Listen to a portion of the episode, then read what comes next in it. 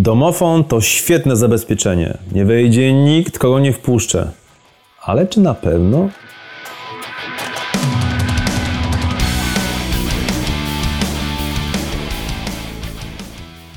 O włamaniach wiesz dużo z filmów, a włamywacza rozpoznajesz po łomie i kominiarce.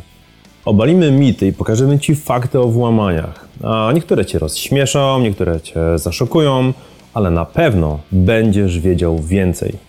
Domofon. Marzenie każdego mieszkańca bloku z lat 90. Dzisiaj traktowany jak ochroniarz, który strzeże wejścia na klatkę schodową. Ale masz świadomość, że nie tylko Ty znasz kod do wejścia.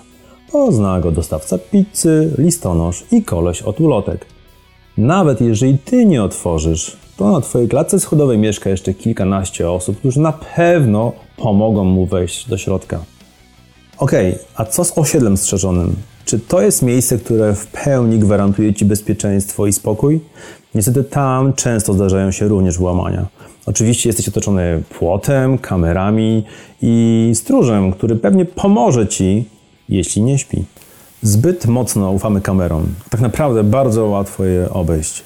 Wystarczy, że włamywacz założy kaptur lub czapkę z daszkiem lub odwróci się w odpowiednim momencie. Ponadto przy monitorze siedzi tylko człowiek, a błędy się zdarzają.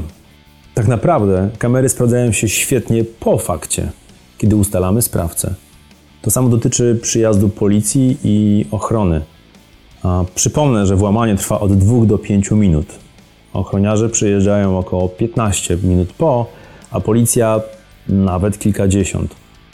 Dlatego warto pomyśleć o zabezpieczeniu i prewencji. Jeśli chcesz poczuć się bezpieczniej, musisz samemu o to zadbać. Będziesz spał spokojniej.